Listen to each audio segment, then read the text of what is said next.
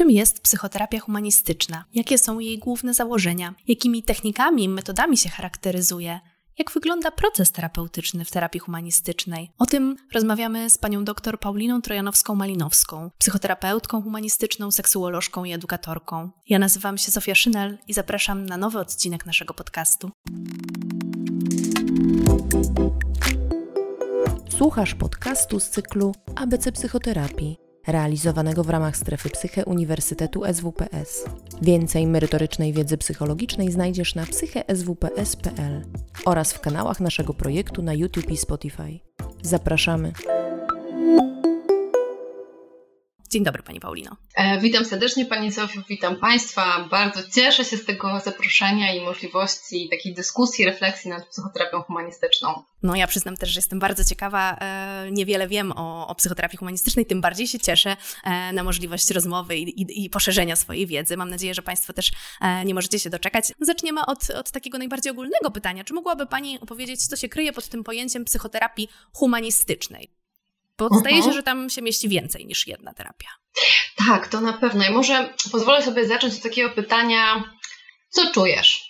Pytanie, co czujesz, moim zdaniem jest takim najlepszym odzwierciedleniem, taką najbardziej obrazową odpowiedzią na to, czy, co się kryje tak, pod tym parasolem psychoterapia humanistyczna. Ja zdaję sobie sprawę, że e, na dzisiaj to, to pytanie, co czujesz, ono trochę tak spowszedniało, już straciło ten swój rewolucyjny pazur, jaki miało w latach 50., kiedy psychoterapia humanistyczna się tworzyła, ponieważ tak o, pytanie, co czujesz, pojawia się w wiadomościach, w wywiadach, używam tego w potocznych rozmowach.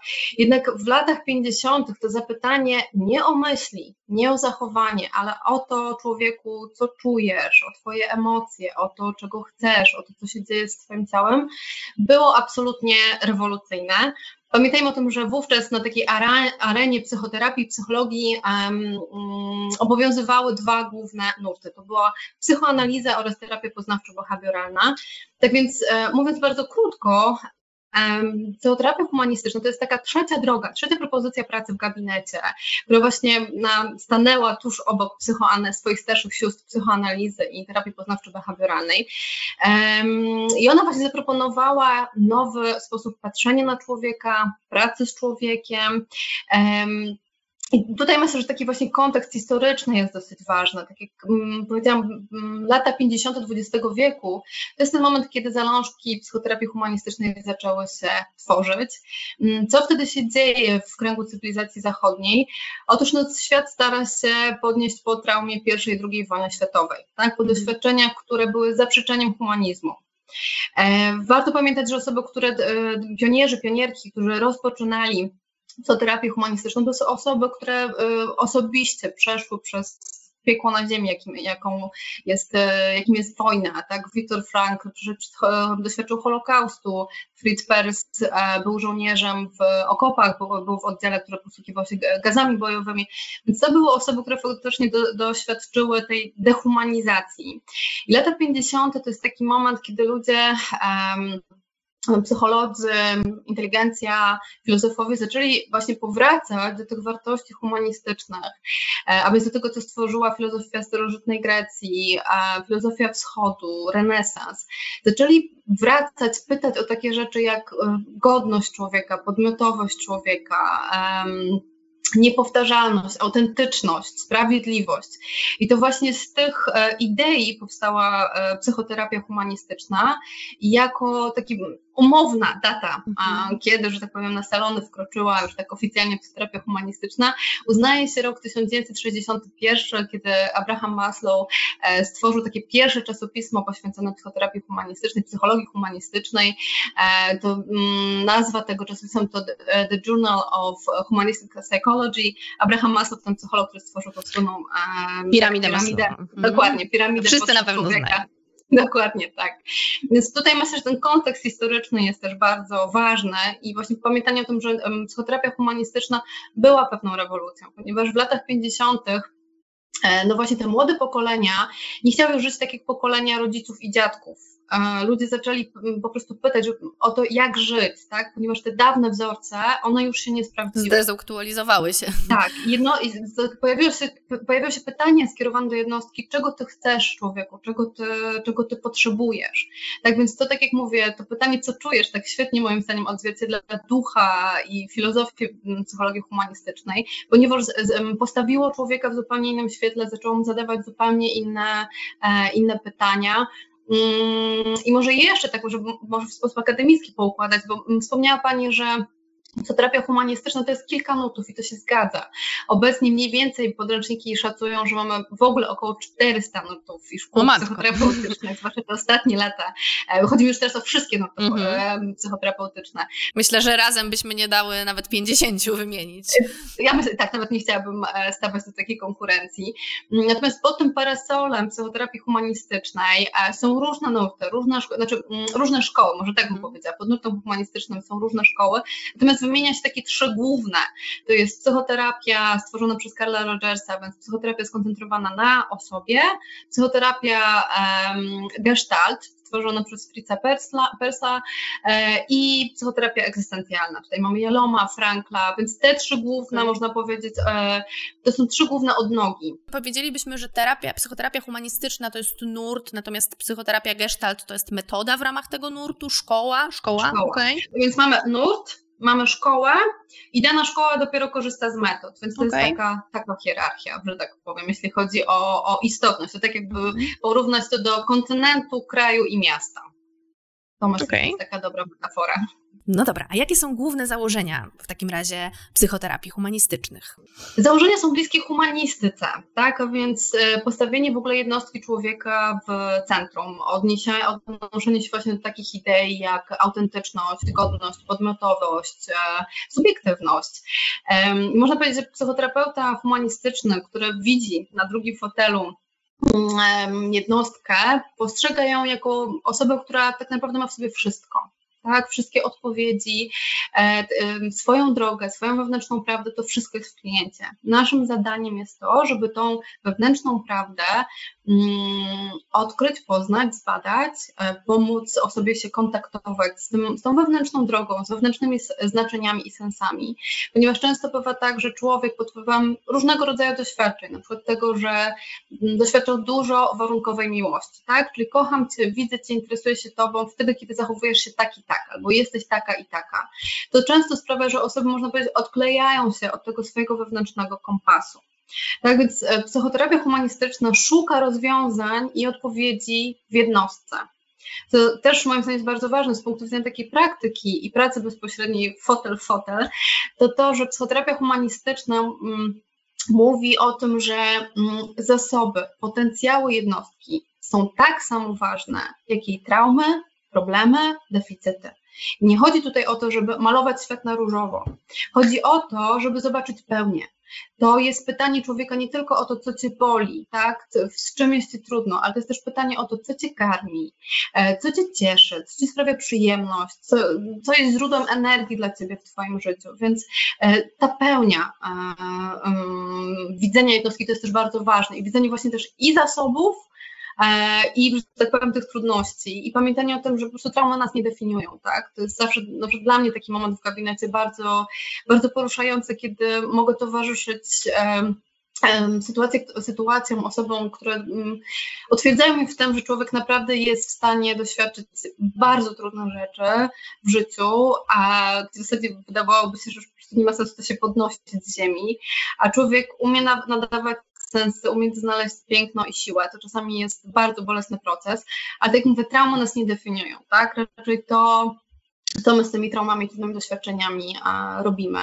Ponadto psychoterapia humanistyczna, ona patrząc na człowieka, patrzy na niego przez, przez pryzmat relacji. I tu chodzi o relacje zarówno na poziomie, jaką ja mam relację z samą sobą, z samą mm -hmm. sobą. E, czy ja w ogóle sobie lubię, czy jestem swoim najlepszym przyjacielem, przyjaciółką, czy może najgorszym wrogiem? To brzmi być może bardzo tak trywialnie, ale to są bardzo ważne pytania. Jak ja w ogóle traktuję najważniejszą osobę w swoim życiu, czyli siebie? Ponadto patrzę na to, jak jednostkę, jaką ma relację w ogóle z, ze światem. Czy czuje, że ma prawo tutaj być w tym świecie, zajmować czas zajmować przestrzeń, korzystać z tego, co tu jest, czy być może na wszystko trzeba, nie wiem, zasługiwać, o wszystko trzeba przepraszać, albo wszystko być może trzeba walczyć. E, jak osoba funkcjonuje w relacjach, różnych relacjach, bliskich, dalekich, z autorytetami, z osobami, które od niego zależą, więc ten aspekt relacyjny jest też bardzo kluczowy w, w pracy. Jakie, jakie cele osiągamy w, w, w tej terapii humanistycznej?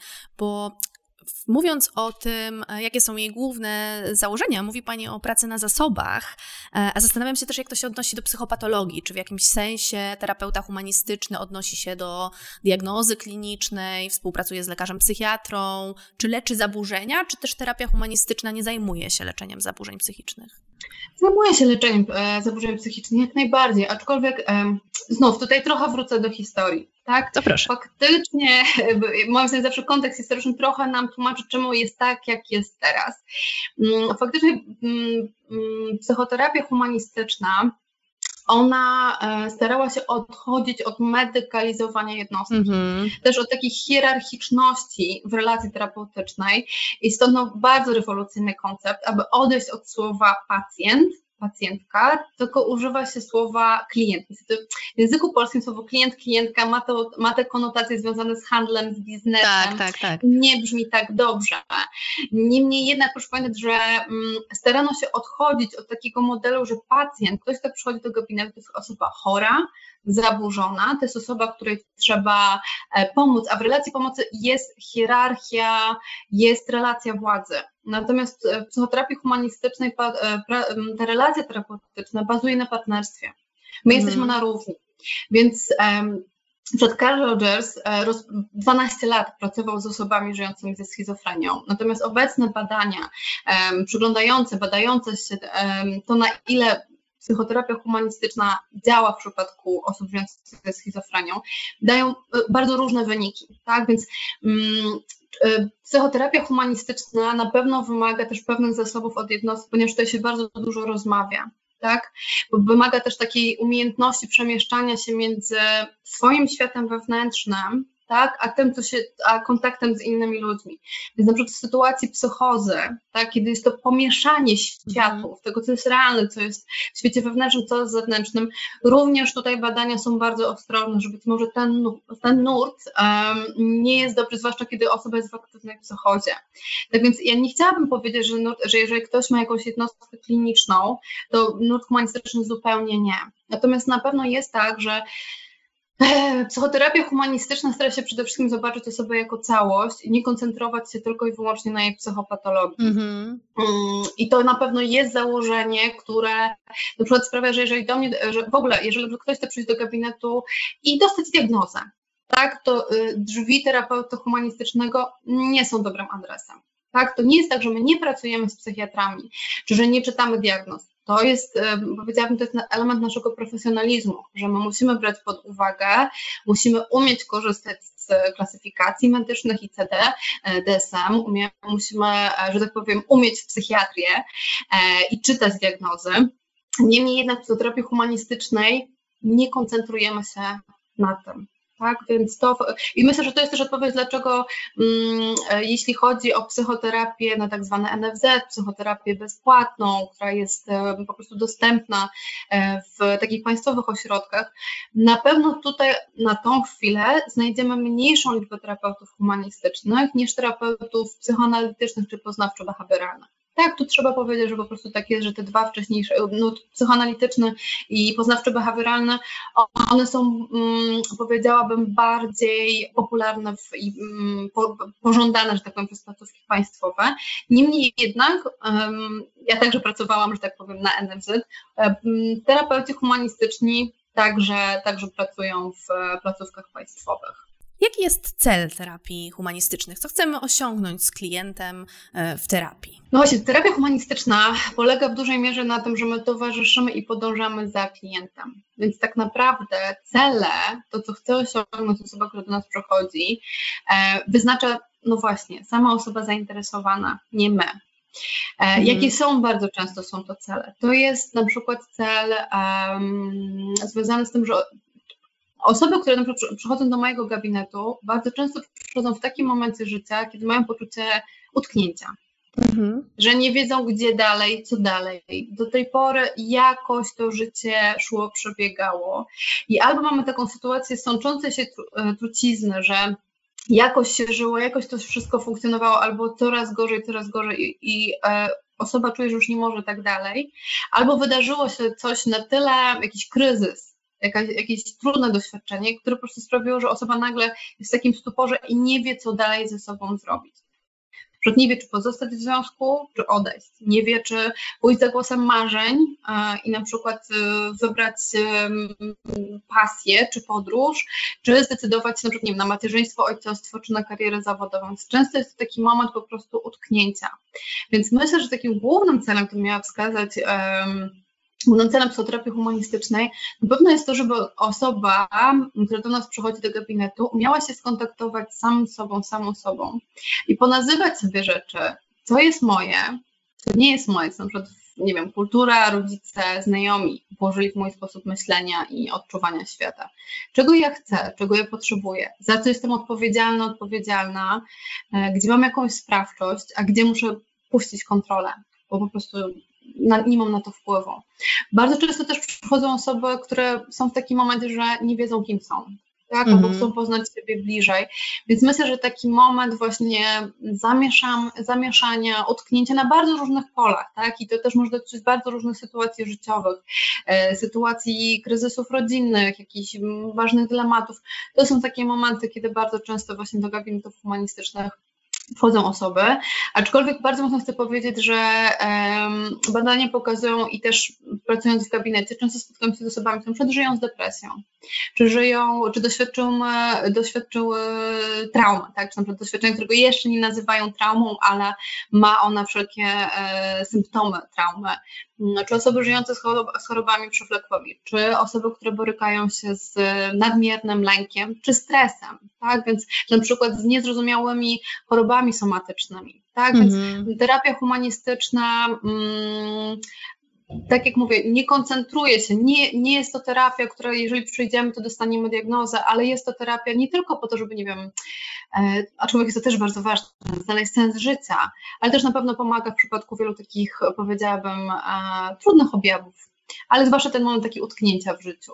To e, wówczas zachęcam, by zastukać do, do drzwi terapeutów humanistycznych.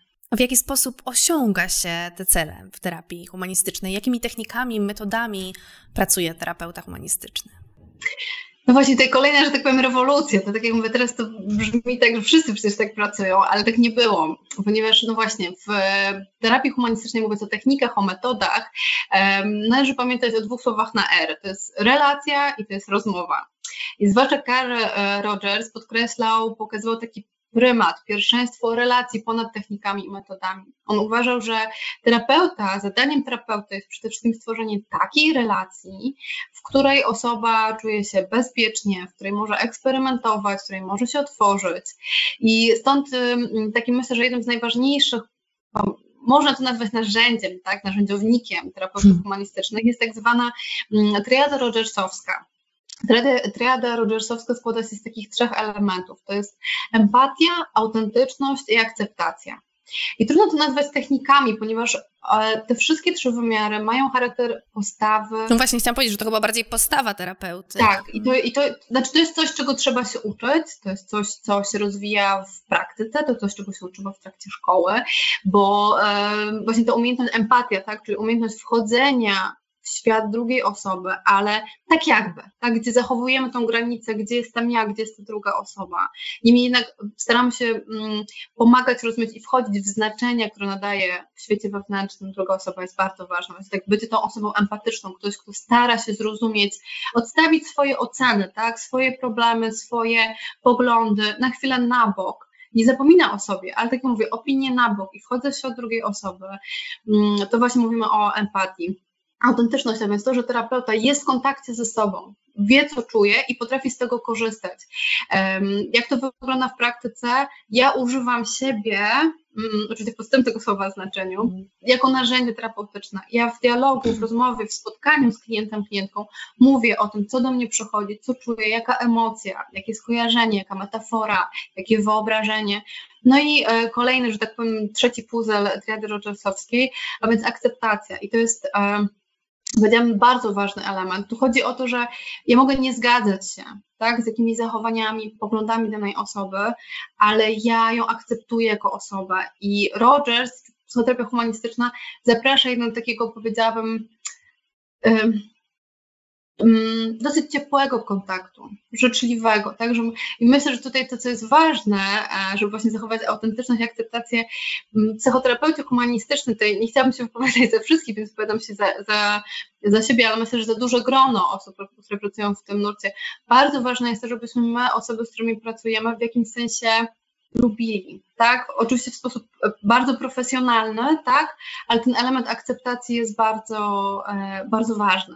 Więc mamy tak relację, która jest absolutną bazą i to jest zadaniem terapeuty, żeby tworzyć takie warunki, takie 50 minut spotkania, żeby druga osoba miała przestrzeń dla, dla siebie, do tego, swój wewnętrzny świat pokazywać, badać, rozmawiać o nim. A drugi, druga taka ważna noga w pracy to jest rozmowa. A czy zanim przejdziemy do rozmowy, to mogę jeszcze do tej relacji dopytać, bo e, wspomniała Pani też o tym, że no właśnie raczej klient, a nie pacjent w opozycji na przykład do terapii poznawczo-behawioralnych e, i że e, tutaj Pan Łukasz miał taki pomysł, że może nie klient, tylko gość na przykład, więc to taka podpowiedź. E, natomiast myślę sobie jeszcze o tym właśnie w kontekście tej relacji, że ona jest taka bardzo specyficzna, to znaczy odmienna od, od, od, od pozostałych, tak mi się wydaje, nurtów terapeutycznych. E, I czy mogłaby Pani troszkę powiedzieć o tym, e, no no bo na przykład terapeuci humanistyczni bardzo często są ze swoimi pacjentami na ty, prawda?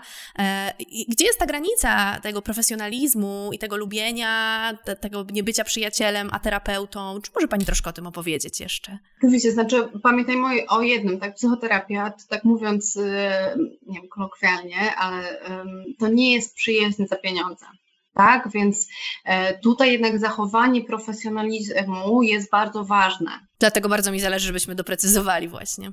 Tak, więc absolutnie to, o czym musimy zawsze pamiętać, to my sami ze sobą musimy jako terapeuci humanistyczni um, pracować na tym, gdzie są moje granice, tak, na przykład granice mojego zaangażowania w proces terapeutyczny, znaczy przynajmniej tyle w proces terapeutyczny, w drugiej, w, w, życie drugiej osoby, tak, chodzi na przykład o działania poza tymi 50 minutami sesji. Pamiętajmy, że mm, w tej relacji, może powiem tak, co jest najbardziej charakterystyczne, jeśli chodzi o relację, moim zdaniem humanistyczną, to to, że tu jest duża odpowiedzialność kładzona na stronę klienta, klientki że my jednak współtworzymy tą e, terapię, tą sesję, to spotkanie. I tutaj faktycznie jest potrzebna duża aktywność e, osoby, która siedzi w fotelu. I być może stąd przy, przy niektórych fazach zaburzeń e, ta psychoterapia po prostu może być nieadekwatna, jeśli chodzi o pomoc. Ponieważ tutaj faktycznie terapeuta bardzo często podąża i słucha klienta, więc ta odpowiedzialność nad tym, z czym pracujemy, jak szybko, co poruszamy, w jakim tempie, to leży po stronie klienta, klientki. Ja bardzo często też wiem, że wielu terapeutów humanistycznych i terapeutyk zaczyna sesję od słów, z czym dzisiaj pracujemy, tak, albo co dzisiaj, i to tak naprawdę jest mm po mhm. stronie drugiej osoby, co ona wybierze, z jakim obszarem chce, chce pracować. My też pracujemy w tempie tej osoby, ale bardzo mocno chcę podkreślić, że właśnie tutaj jest współodpowiedzialność za, za sesję tak, jest pewna partnerskość, ale no tak jak mówiłam, to um, musimy zachować profesjonalizm, a więc um, przede wszystkim trzymamy się tak zwanego settingu, czyli tych takich ram, które dotyczą tego, kiedy się spotykamy, um, na jak długo, w sensie jak długo trwa, trwa sesja e, terapeutyczna, jak wygląda kwestia opłat, jak wygląda kwestia kontaktów między sesjami. Więc setting psychoterapii humanistycznej jest absolutną bazą, tak? Taki, czyli zakon, w ogóle także ustalenie kontraktów i zasad naszej współpracy jest bardzo ważne.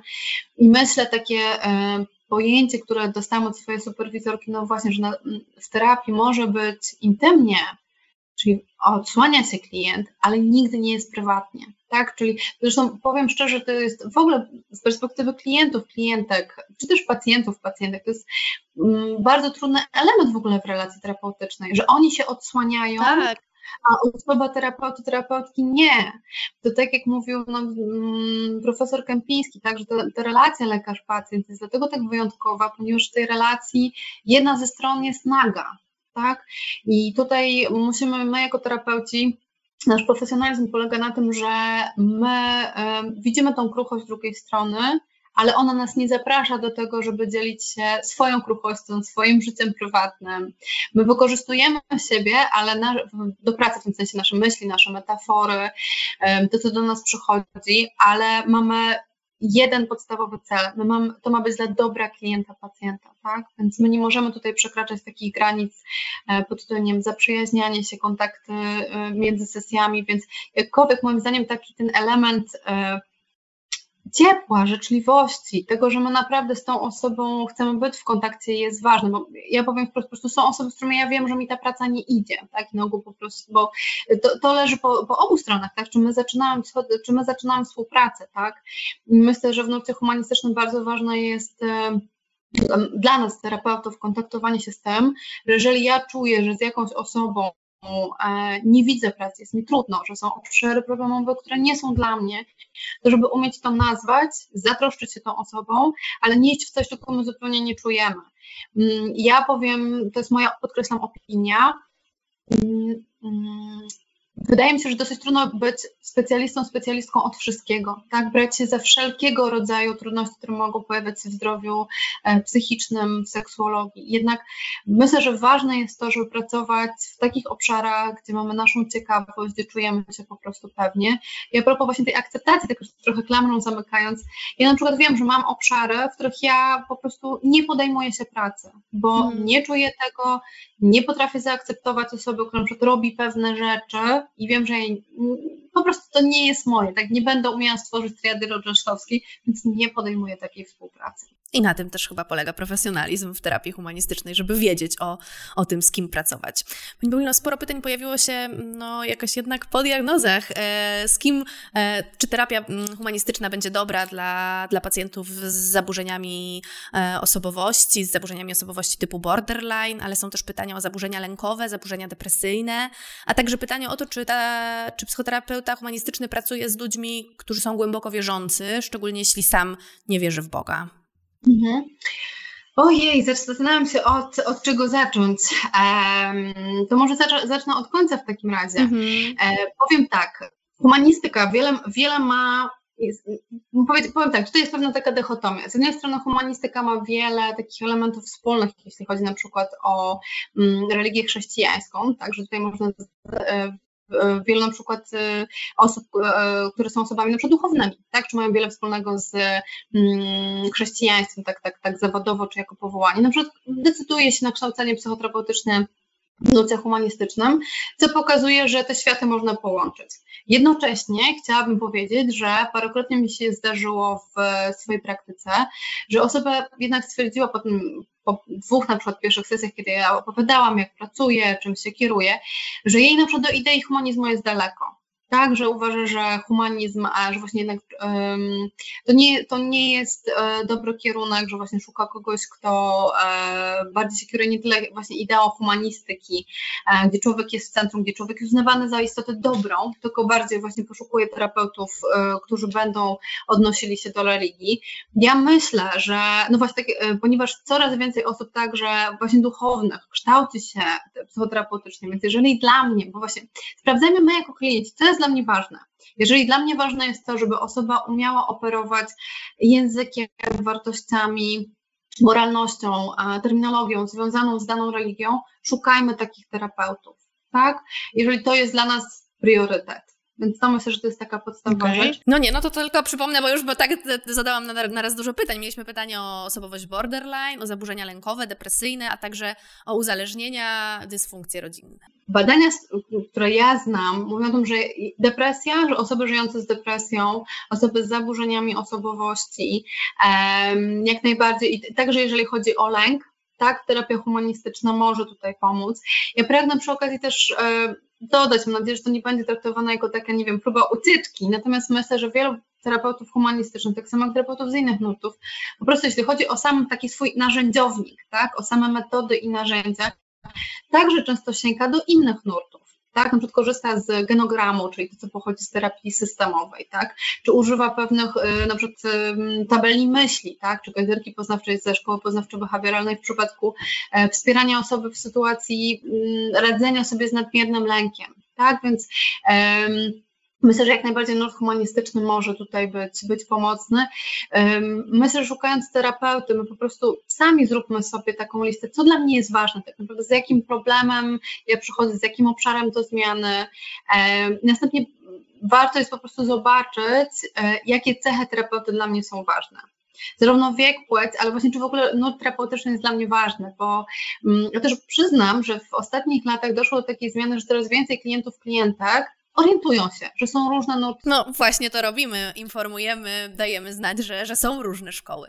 Tak, i myślę, że warto jest po prostu zapoznać się z danym nurtem w ogóle, tak nawet na zasadzie zgooglowania podstawowych informacji i zobaczyć, e, co, co mnie ciągnie, co mnie ciekawi, gdzie czuję, że e, to, to, to jest moje. Bo jednak, zwłaszcza już w terapii humanistycznej, jednak bazą jest ta relacja. Więc jeżeli sama osoba terapeutki już po pierwszym spotkaniu czuje, mm, nie, to obawiam się, że ta, ta terapia e, może być trudna tak, w kontynuowaniu. No, to chyba taka w ogóle prawidłowość i taka wskazówka, że niezależnie od nurtu, jeżeli e, no nie czujemy się dobrze z terapeutą, coś nie zagra, e, to, no to w każdej chyba terapii, tak zaryzykuję, jednak relacja terapeutyczna jest ważna i, i, i warto na to zwrócić szczególną uwagę.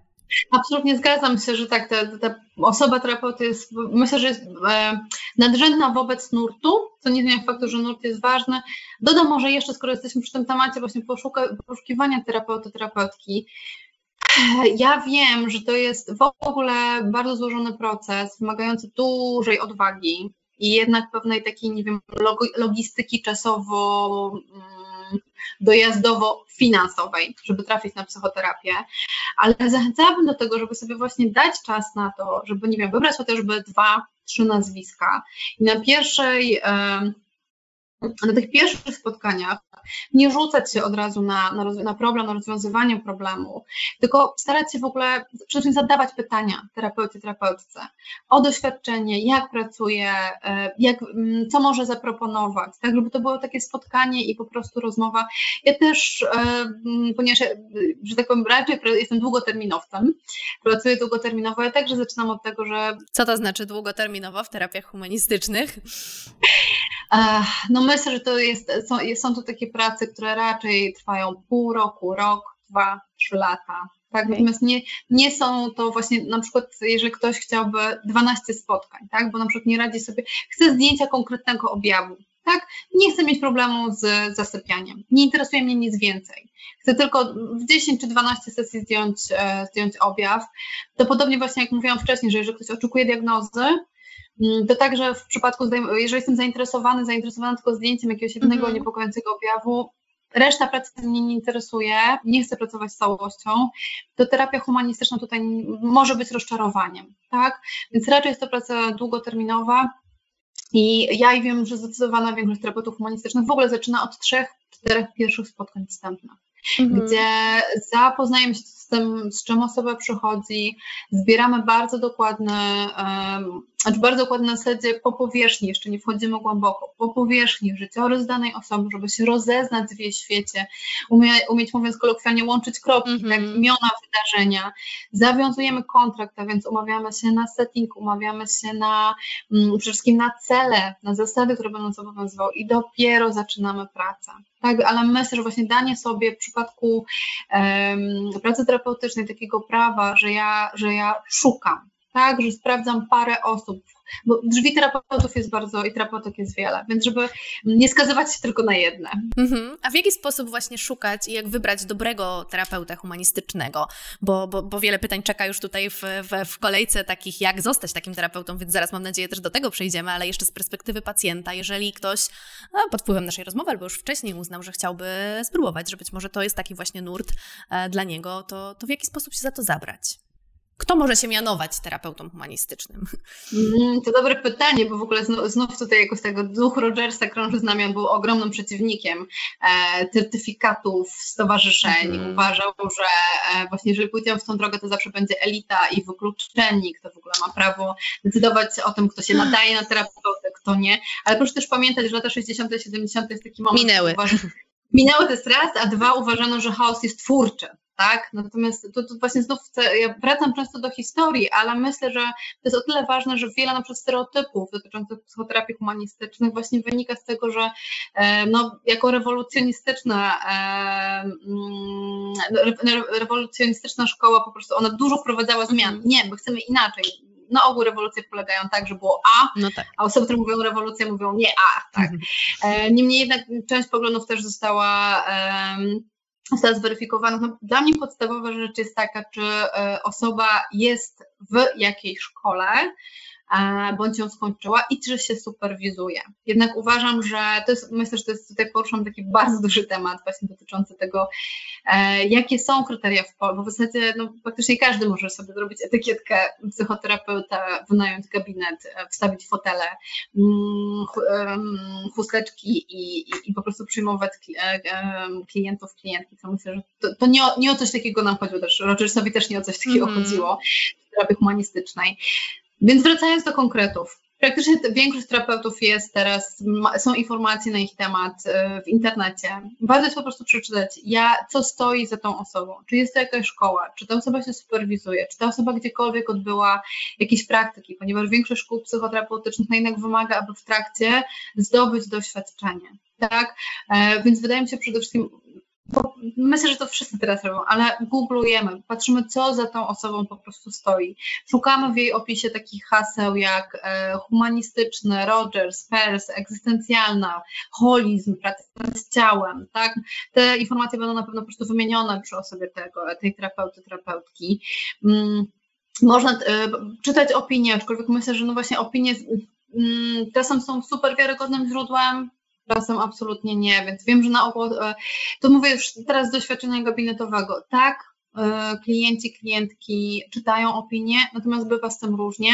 Wielu terapeutów, terapeutek, e, tak mm, powiedziałabym, nie chciałabym tutaj nikogo urazić, ale na przykład jest część terapeutów, która nie chce tak bardzo się promować w internecie, tak, więc na przykład są świetnymi specjalistami, specjalistkami, ale nie, po prostu nie znajdziemy informacji w internecie, więc tutaj możemy na przykład mm, patrzeć na strony stowarzyszeń, tak, które publikują swoich e, członków, członkinie. No właśnie, jakie są stowarzyszenia takie, którym można zaufać, jeżeli chodzi o terapię humanistyczną? Czy to jest tak, że jest jedno stowarzyszenie terapii humanistycznych w Polsce? Nie, nie myślę, też dużo. Tak, też jest dużo, tutaj bym Niestety. Trudno, Dobra. Tak, wypączkowało też bardzo dużo, powiedziałabym, e, szkół, więc tych stowarzyszeń jest naprawdę bardzo, bardzo dużo.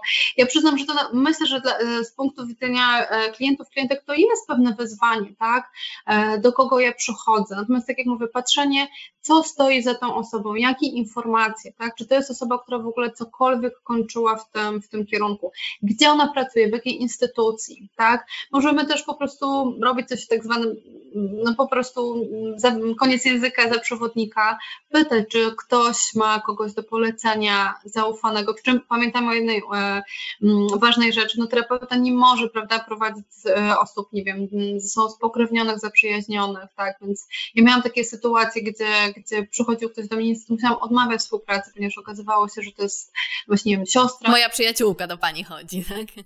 tak, to więc to, tu chcę powiedzieć, że, że, że nie, ale myślę, że jest tak, że taki, jeżeli my zapytamy, że szukam kogoś, e, to e, i puszczenie, że tak powiem, w świat takiej informacji sprawi, że dostaniemy informację zwrotną, do kogo warto.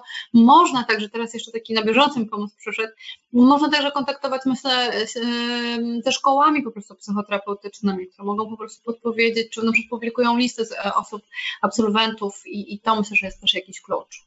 Mhm. E, no właśnie, bo pani Maja już dawno na samym początku naszej rozmowy zapytała, ja tak czekałam z tym pytaniem, e, jak powinna wyglądać droga po studiach, domyślam się, że być może po psychologii, to też w sumie ciekawe, czy trzeba być psychologiem, żeby być psychoterapeutą humanistycznym. E, jaka powinna być droga po studiach, aby pełnoprawnie zostać takim psychoterapeutą pracującym w odnodze nurtu humanistycznego? Czy to powinien być gestalt, czy cebet? Takie jest pytanie pani Mai. Tak, dziękuję Pani Maja za pytanie. Czy CEBET to jest jedna szkoła e, tak. poznawczo-behawioralna, więc to jest e, nie, że tak powiem... Zostawiamy z boku. Jest tej bajki, że tak powiem. Natomiast Gestalt jak najbardziej to jest psychoterapia humanistyczna. E, powiem tak, e, wiem, że to może się zmienić w każdej chwili, natomiast tak jak ja kończyłam szkołę, czy to co wiem się dzieje obecnie, w tej szkole czteroletniej były osoby nie tylko po psychologii, Były także osoby po e, pedagogice, po kierunkach lekarskich, po, po socjologii na przykład, mhm. tak? Więc na to wiem, że to jest wciąż dyskutowalne, czy musisz mieć tego magistra psychologii, żeby rozpoczynać szkołę. Ale musisz mieć wyższe wykształcenie, prawda?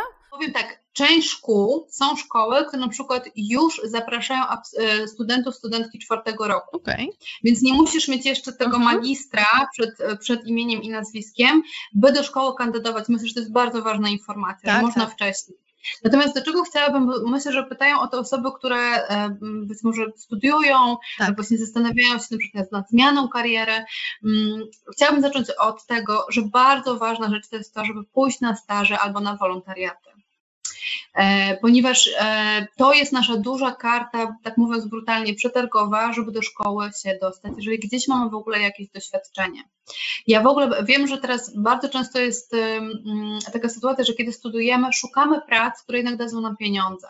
Tak, dadzą nam, e, i to jest fantastyczne doświadczenie, tak, szukanie pracy, spróbowanie pracy, sprzątaniu w kelnerowaniu, w nie wiem, opiece nad dziećmi, w, czy na przykład jakieś od, mm, po prostu takie miejsca, które dadzą nam przede wszystkim pieniądze, tak? Często mamy taką sytuację życiową, że musimy sobie już zarobić na życie.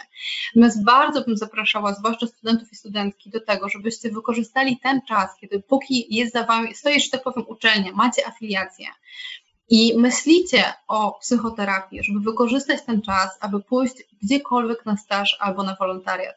Tym bardziej, że skończyła się pandemia, ponieważ teraz niestety studenci, studentki przez dwa lata byli w patowej sytuacji, że większość placówek była po prostu zamkniętych, w tym sensie zamkniętych, że wolontariaty i staże były po prostu e, no, no, nieczynne, tak? E, to jest dla Państwa ogromny zasób. Ja wiem, że bardzo często niestety za to trzeba na przykład samemu zapłacić, albo jest to, no właśnie, wolontariat, więc nie tak. otrzymujemy wynagrodzenia. Natomiast bardzo mocno chciałabym podkreślić jedno. Jeżeli Państwo nie wykorzystają tych pięciu lat studiów do tego, żeby gdziekolwiek pójść na wolontariat do, albo na staż, do szpitala psychiatrycznego, do ośrodka, pomocy jakiegokolwiek, tak, e, to później jak Państwo już będą mieli magistra, i będą chcieli gdzieś pójść na staż, gdzieś zacząć, gdzieś tak mówiąc kolokwialnie zahaczyć się, to każdy Państwo zapyta, ale skąd Ty jesteś? Pamiętajmy, że to są takie placówki, gdzie mamy dostęp do danych wrażliwych, pracujemy z drugim człowiekiem i na ogół takie placówki no, potrzebują naszej afiliacji, tak? czyli tego, że ktoś za nas odpowiada, ktoś za nami stoi. I ja często e, spotykałem się z takimi sytuacjami, że właśnie osoby przez 5 lat studiów nie, nie poszło na żadne praktyki, na żaden wolontariat i potem naprawdę jest bardzo trudno o przyjęcie gdzieś, tak? ponieważ osoba jest, że tak powiem, z ulicy. I wówczas pierwszeństwo mają raczej osoby studiujące, więc bardzo zachęcam um, właśnie osoby, które studiują, do tego, żeby porozglądać się. Praktycznie każda uczelnia um, ma osobę, czy, czy takie miejsce, gdzie publikuje, miejsce, gdzie można udać się na staż, na praktyki, na wolontariat. Naprawdę warto z tego korzystać, pomijając fakt, że jest to ogromne doświadczenie. Można też po prostu też sprawdzić, czy to jest w ogóle dla mnie, czy ja, czy ja to czuję, bo może się okazać, że to, to miałam takie wyobrażenie, ale to jednak No i tak sobie myślę, że jeszcze można poszukać sobie terapeuty też, który pracuje w nurcie, o którym myślimy, e, właśnie w takiej instytucji. No to oczywiście być może trudne, trudne zadanie, ale jeśli uda nam się znaleźć taką osobę, to będziemy mogli przyjrzeć się, jak w praktyce, właśnie na przykład w ramach pracy w instytucji, no bo w gabinecie jeden na jeden jest to raczej niemożliwe, żeby podejrzeć pracę terapeuty, ale czy w szpitalu, czy w jakimś ośrodku, no to zawsze pewna metoda, pewne podejście się jakoś ujawnia. E, wiele pytań dotyczy tego, podejścia skoncentrowanego na osobie, mm, o, o którym Pani wspominała, yy, i Pan Krzysztof yy, ukończył szkolenie w nurcie egzystencjalnym, ale zastanawia się, gdzie w Polsce można się szkolić w tym podejściu skoncentrowanym na osobie Rogersa. I przy okazji być może odpowie Pani na pytanie Pana Chrisa, dlatego że on mówi, że z kolei jako pacjent chciałby skorzystać z takiej terapii, ale nigdy nie trafił na takie oferty. Mhm. Czy ja mam wymienić konkretną nazwę ośrodka? Nie wiem.